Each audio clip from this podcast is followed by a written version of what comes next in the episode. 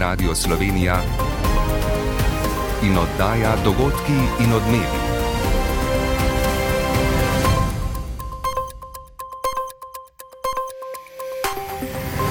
Ura je 15 in 30 minut. Lepo pozdravljeni. Za večino so se začeli božično-novoletni prazniki. Na današnji predvečer božiča, ki ga bo večina kristjanov praznovala jutri, bodo po številnih cerkvah polnočnice. Prazniki so za mnoge čas veselja, radosti in druženja, za nekatere pa žal tudi dnevi osamljenosti.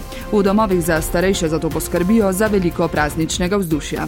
Druženje, ne? to je nekaj najlepšega, se mi zdi tu doma pa tudi, to je smo skupaj, moja družina. Razne, razne prireditve se dogajajo, tako da res hvala, hvala. Moramo se sami narediti lepo. Več o prazničnem dogajanju in poslanicah ob Božiču pa v oddaji, v kateri ne preslišite še. Prekarni delavci nestrpno pričakujejo zaveze pristojnih o odpravi negotovih oblik zaposlitve. Italijanska poslanska zbornica sprejela proračun, v katerem je več spornih ukrepov. Hudo zimsko neurje v Združenih državah in Kanadi terjalo najmanj 19 smrtnih žrtev. Tudi jutri bo delno jasno, več oblakov bo na primorskem in notranskem. Z vami sva Jure Franko in Katja Kotnik. Pred nami je torej praznično podaljšan konec tedna. Dela prost dan bo tudi v ponedeljek, ko zaznamujemo dan samostojnosti in enotnosti v spomin na razglasitev izidov zgodovinskega plebiscita pred 32 leti. Ob tej priložnosti je bila sinoči v Ljubljanskem cankarjevem domu državna proslava. Slavnostni govornik pa je bil predsednik vlade Robert Golob. V nagovoru je kot temelje slovenske suverenosti povdaril demokratično ureditev naše družbe, kulturo in slovenski jezik. Želimo živeti v državi, ki bo demokratična, ki bo temeljila na odprti družbi, temeljila na vladavini prava, spoštovanju človekovih pravic, ki bo solidarna za vse nas in kateri bomo poskrbeli za najšipkejše. Izpostavil je tudi pomen solidarnosti in enotnosti pri iskanju rešitev za domače in globalne izzive. Februarja letos je Rusija napadla Ukrajino. Ta vojna je celotno Evropo pahnila v veliko krizo. Ta kriza je zahtevala odločno in čikovito ukrepanje na vseh nivojih. In smo odločno ukrepali. Zajezili smo cene, zvišali smo otroške dodatke, zvišali smo plače, zvišali smo pokojnine. Naš odziv velja za enega najuspešnejših odzivov v celotni Evropi. V nagovoru je državljankam in državljanom namenil tudi praznično čestitko, v kateri je zaželel miru, ljubezni, pozitivne energije in veliko poguma.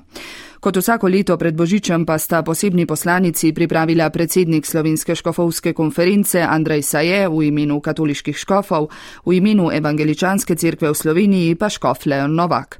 Povdarke podaja Tomaš Garden. Oba škofa poudarjata velik pomen božičnega praznika. Novomeški škof in predsednik Slovenske škofovske konference dr. Andrej Saje govori o božjem učlovečenju, ki presega prostor in čas in upozori na upanje, ki ga prinaša božič. Utrjevanje upanja je še posebno pomembno v času, ko doživljamo vojno, različne oblike nasilja in druge vrste negotovosti. Bogoslužne besedile v božičnem času nam povedo, da so dogodki odrešenja vedno aktualni in zadevajo vsakega človeka. Jezusov prihod na svet poudarja ljubezen do ljudi, je v poslanici dejal evangeličanski škof magistr Leon Novak. Podobno kot za časa Jezusa, tako se svet tudi danes nahaja v kritičnih razmerah. Mnogo družin mora zaradi vojnih razmer, lakote ali naravnih katastrof zapustiti svoje domove. Božič nas spodbuja, da je skazano ter od Boga izlito ljubezen delimo za našim bližnjim. Oba škofa, katoliški dr. Andrej Saje in evangeličanski magistr Leon Novak, pa v poslanicah poudarjata skrb za trpeče, ne samo v prazničnem času. Božični poslanici lahko v celoti slišite po oddaji na prvem. Dogodki in odmevi. Mineva deset mesecev od napada ruske vojske na Ukrajino. Napadi ne pojenjajo. Ukrajinski predsednik Volodimir Zelenski je posvaril pred morebitnimi okrepljenimi ruskimi napadi v prihodnjih dneh. O novem ruskem obstreljevanju poročajo iz Hersona na jugu Ukrajine. Kot so sporočile ukrajinske oblasti, je bilo ubitih najmanj pet ljudi, približno 20 je ranjenih. Zelenski je povdaril, da tarče niso bile vojaške in napade označil za teroristično dejanje, s katerim želi Rusija ustrahovati Ukrajince. V vzhodno-kitajskem morju potekajo skupne vojaške vaje Rusije in Kitajske, ki bodo trajale teden dni. Cilj je ukrepiti pomorsko sodelovanje med državama ter ohraniti mir in stabilnost v azijsko-pacifiški regiji, so povdarili v Moskvi in Pekingu. Več pa dopisnica Vlasta Jeseničnik. Rusija in Kitajska skupne pomorske vaje organizirata od leta 2012. V letošnjih, ki sta jih poimenovali Pomorsko sodelovanje 2022, sodelujejo raketna križarka, rušilci in fregate ruske tihooceanske flote, več kitajskih bojnih ladij, helikopteri in podmornice. Skupne vaje so za Rusijo, ki zaradi vojne v Ukrajini išče zaveznike predvsem v Aziji, potrditev, da so odnosi med državami državama dobri, načelnik generalštaba ruske vojske Valerij Gerasimov. Cilj teh vaj je izboljšati sodelovanje vojaških enot obeh držav in povečati sposobnosti za soočanje z novimi izzivi in grožnjami. Kitajska, ki podpira ozemeljsko celovitost Ukrajine in ni priznala nezakonite priključitve štirih ukrajinskih regij Rusiji, glede ruske invazije ostaja neutralna. Ob tem se Peking strinja s trditvami Moskve, da je k izbruhu vojne pripomogla širitev zveze NATO. Državi sta v začetku leta sprejeli skupno izjavo, v kateri sta zapisali, da nasprotujeta nadaljni širitvi NATO in zavezništvo pozvali naj spoštuje soverenost, varnost in interese drugih držav. Sodelovanje je naraven odziv na agresivno krepitev vojaškega potencijala Združenih držav na tem območju, je o vajah v vzhodno-kitajskem morju dejal Gerasimov. Talibanske oblasti v Afganistanu so vsem domačim in tujim nevladnim organizacijam ukazale, naj ženskam prepovejo prihod na delovno mesto. Pristojni so kot razlog za to odločitev navedli nespoštovanje islamskih pravil oblačenja. Talibani so namreč ženskam že predtem ukazali, da morajo biti v javnosti v celoti zakrite. Prepovedali so jim tudi obiskovanje srednjih šol in univerz ter omejili število poklicev, ki jih lahko upravljajo. Poslanska zbornica italijanskega parlamenta je po noči sprejela proračunski zakon za prihodnje leto, ki ga mora zdaj potrditi še senat. Večino razpoložljivih sredstev je namenila brzdanju cen energentov in pomoči gospodinstvom, pozornost pa zbujajo rezi v socialnih politikah in razlike v davčni obravnavi posameznih skupin. Iz Rima poroča Janko Petrovec. Vlada Đorđe Meloni je kar 21 milijard evrov ali več kot polovico fleksibilnega dela proračuna namenila brzdanju energetske krize. Denar bo šel za začasno krčenje trošarin, davčno olajšave energetsko potratnim podjetjem in subvencije družinam z dohodki pod 15 tisoč evri.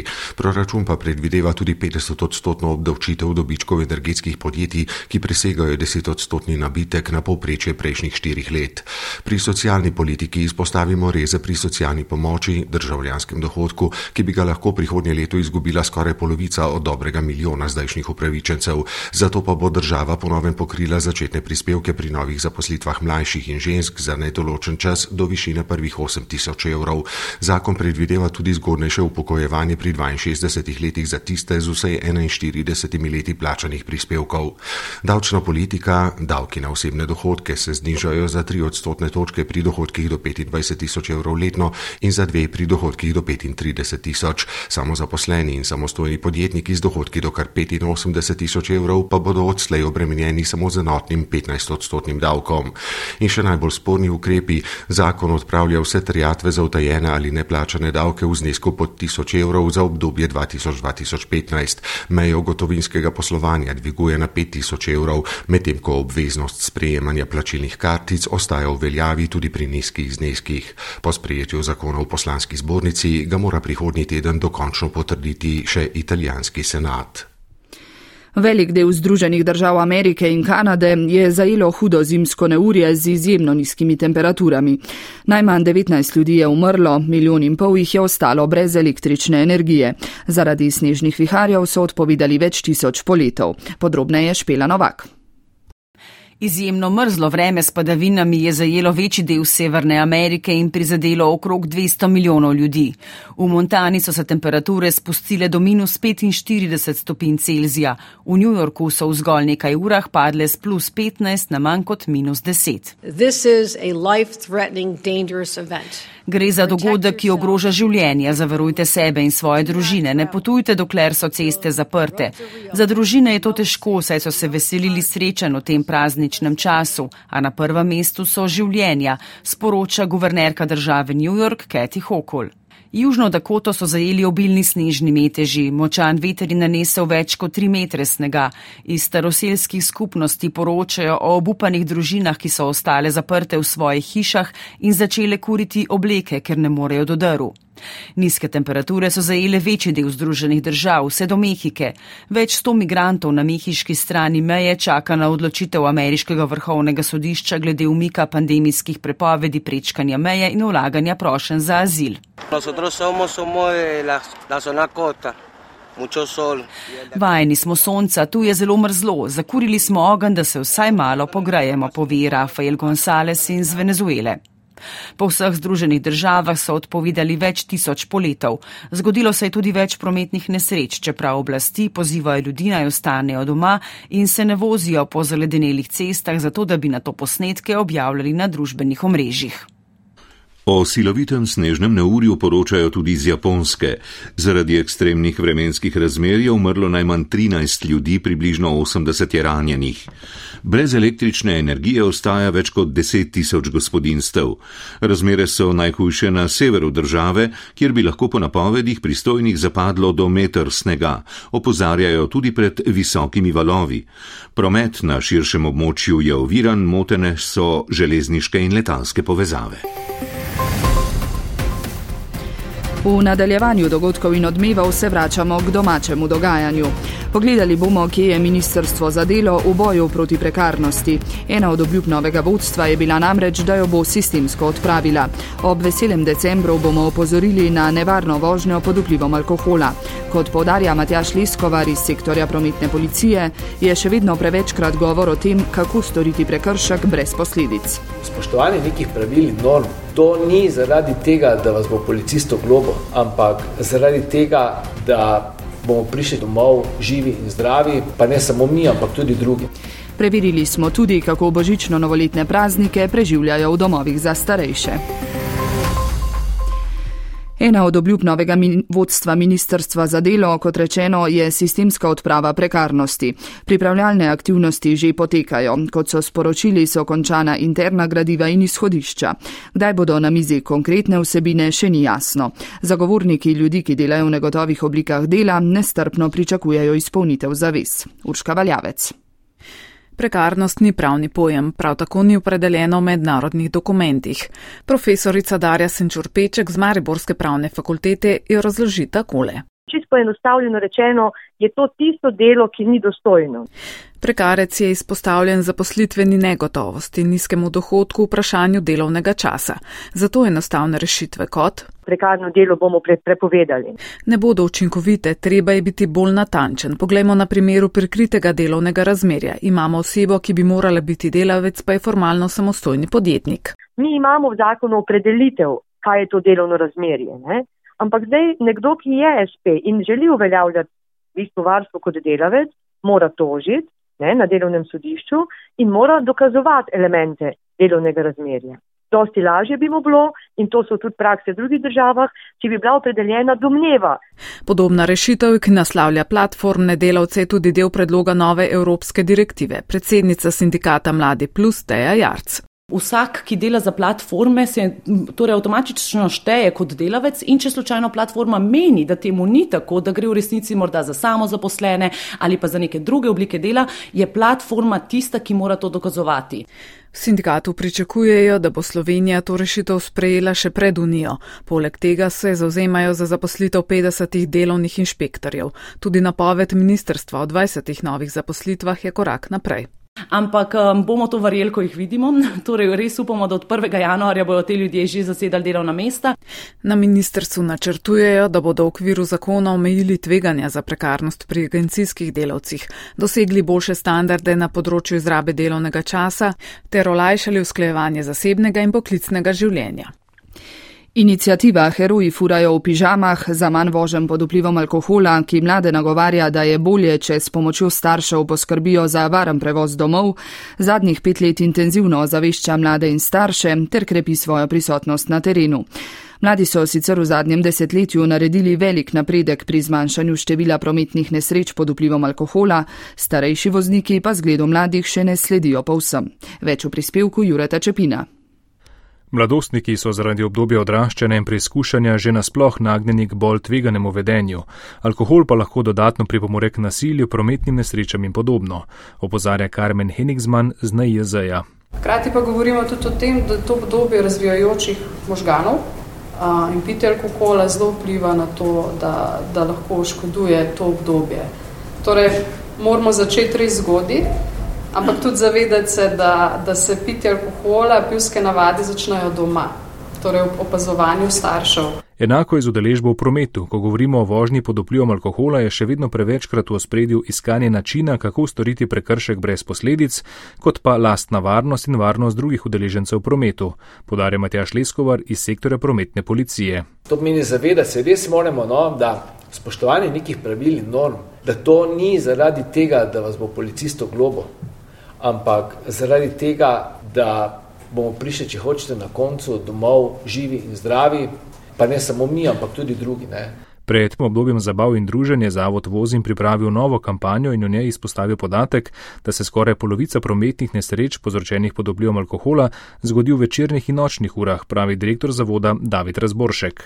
Medtem ko je pa kar skoraj dve tretjini vseh smrti ki nastanejo kot posledica prometnih nesreč zaradi vpliva alkohola uh, v nočnem času. Ne. Skratka, so stvari, na katere se, bi, se da vplivati, mladi dokazujejo, da se da organizirati. Mladi vozniki do 24. leta starosti so namreč v zadnjem desetletju zmanjšali število nesreč pod vplivom alkohola za več kot polovico, ostale starostne skupine pa zgolj za četrtino in kot pravi razboršek je prišel čas, da starejši prisluhnejo mlajšim. V programu Starejši za starejše, katerega nosilec je Zveza društev upokojencev, prostovoljke in prostovoljci na terenu obiskujejo starejše, ki živijo sami in jim nudijo pomoč. Obiski pa so posebej dobrodošli prav v tem prazničnem času. Program je pred časom prejel tudi nagrado Evropskega parlamenta državljane Evrope za njihov nesebični prispevek lepšemu in bolj kakovostnemu življenju starejših. Več Alinka Trlep. Program Starejši starejšim po vsej Sloveniji vključuje številne prostovoljce, predstavljajo trajno socialno mrežo, skrbijo za medsebojno lajično pomoč in ko je potrebno, jih usmerijo, kje lahko premejo strokovno pomoč. Prostovoljke prav v tem času še zelo intenzivno obiskujejo naše, naše starejše in seveda tudi jih uh, obdaruje, obdarujejo. Tako pravi predsednica programa, pa tudi prejemnica lanske nagrade prostovoljka leta Rosca Šonc. Starejše obiskujejo na njihovem domu tako na podeželju, kot tudi v mestih, čeprav imajo tu več težav s pridobivanjem osebnih podatkov, kar jim onemogoča, da bi obiskali vse, ki bi potrebovali pomoč. Seveda pa podatke dobijo le na podlagi sklenjenih pogodb z občino, ki jih pooblasti za izvajanje programa. Rosca Šonc pravi, da starejši živijo težko. Naj povem, da so vsakega obiska zelo, zelo veseli.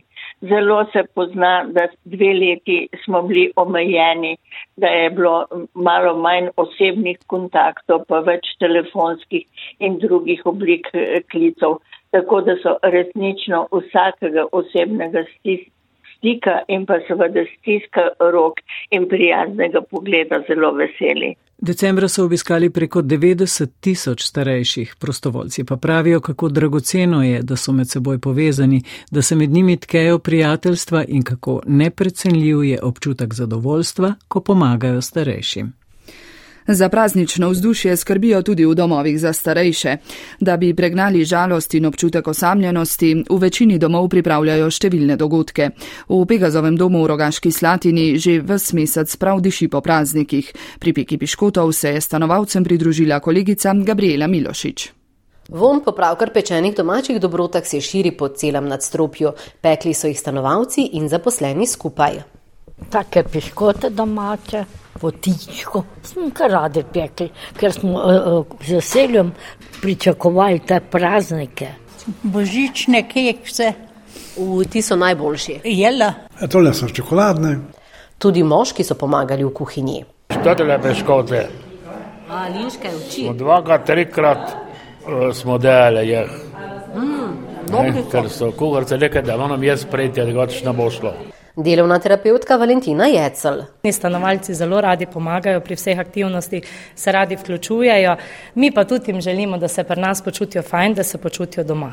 V Slatinskem domu starejših so stanovalci že pred dnevi okrasili prostore, v domu pa odmeva tudi pesem. Bila snežnika, ki pada.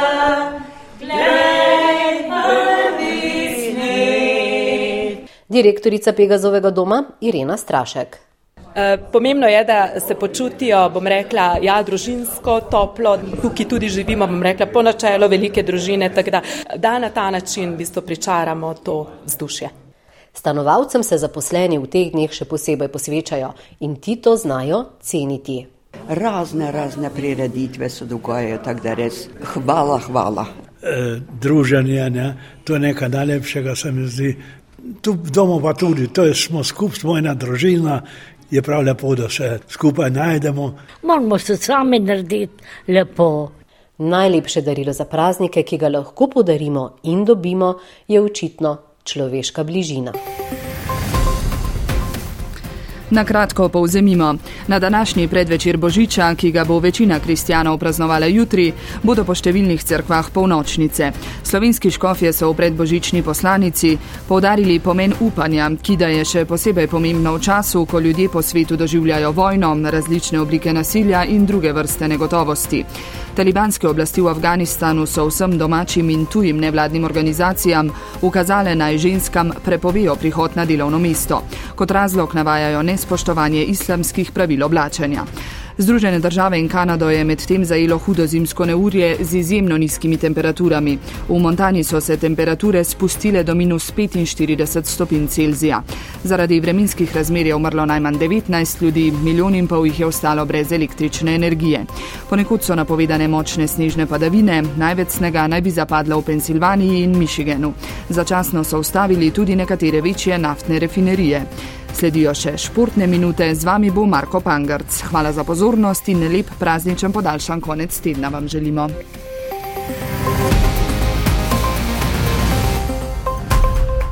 Medtem ko na praznični dan miruje v največji meri vsa športna tekmovanja, je v košarkarski ligi NBA znova blestev Luka Dončić. Na gostovanju v Houstonu je dosegel ob zmagi Dallasa 112 proti 106, kar 50 točk, ob tem pa dodal še 8 skokov in 10 podaj.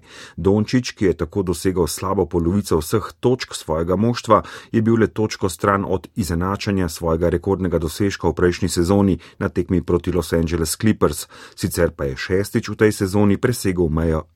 40 točk. Po nizu štirih gostovanj jutri čaka Dallas domača tekma proti Los Angeles Lakers. Med 11 tekmami je Denver z Vladkom Čančerem na klopi ugnal Portland, tesno zmago zabeležil Chicago, tudi z devetimi točkami Gorana Dragiča je bil boljši od New York Knicks 118 proti 117. V hokejski ligi NHL je Anže Kopitar z Los Angelesom gostoval v Arizoni, domače moštvo je prekinilo ni štirih zaporednih zmag gostov, po izvajanju kazenskih strelov je bila bila Arizona boljša z 2 proti 1. Anže Kopitar v statistiko ni dodal nove točke ob dobrih 22 minutah na ledu. Los Angeles ima do konca koledarskega leta še tri tekme, od tega dve domači proti Vegasu in Filadelfiji.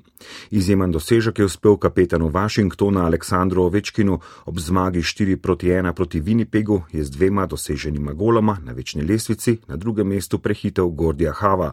Ovečkin igra svojo 18. sezono v Ligi NHL in je skupaj dosegal 802 gola.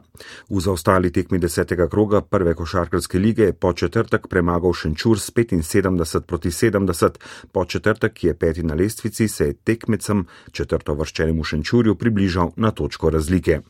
24. december je dan z najbolj skromno športno ponudbo, ob natrpanih športnih koledarjih pa seveda to ni v celoti prost dan za športnike po svetu. Osnovanju koledarjev, opozorilih športnikov in prazničnih ekskluzivah podrobneje Boštjan Rebršak.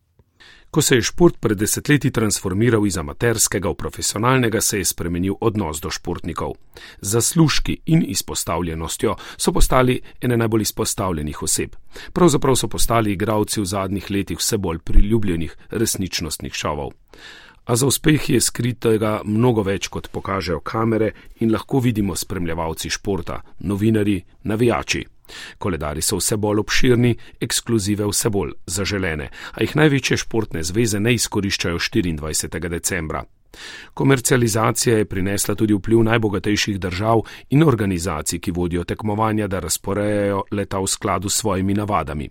24. december je sicer običajno delaven dan, a ker je šport, kar se le da umeščen v prosti čas ljudi, ne na zadnje gre za zabavo širših množic, večer 24. že desetletja prost dan.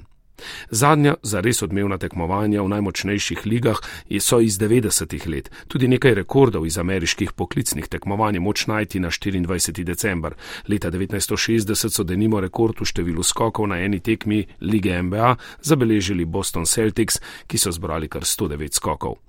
A v zadnjem obdobju je vse več pozivov športnikov, hkrati pa tudi bombončkov v obliki prostih dni, tudi športnih zvez. Urniki so ravno zaradi uspešne komercializacije vse bolj polni in zanesljivo je za večino poklicnimi športniki danes še deloven dan, torej običajen delovnik s treningom, ki omogoča tekmovalne podvige.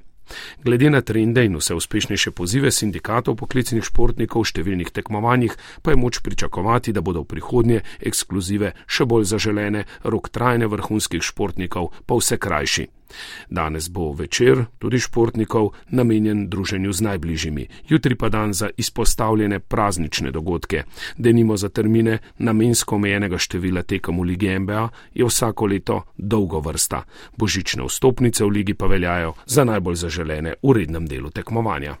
Teniška igralka Kaja Juvan ima novega trenerja, to je španec Oskar Serrano, nasledil je Zorana Kranca, Juvanova pa bo sezono januarja prihodnje leto začela s turnirjem v Hobartu v Avstraliji. Poslušali ste oddajo Dogodki in odmevi, urednik Niko Robaus, voditeljica Katja Kotnik, napovedovalec Jure Franko, tonski mojster Mitja Groznik.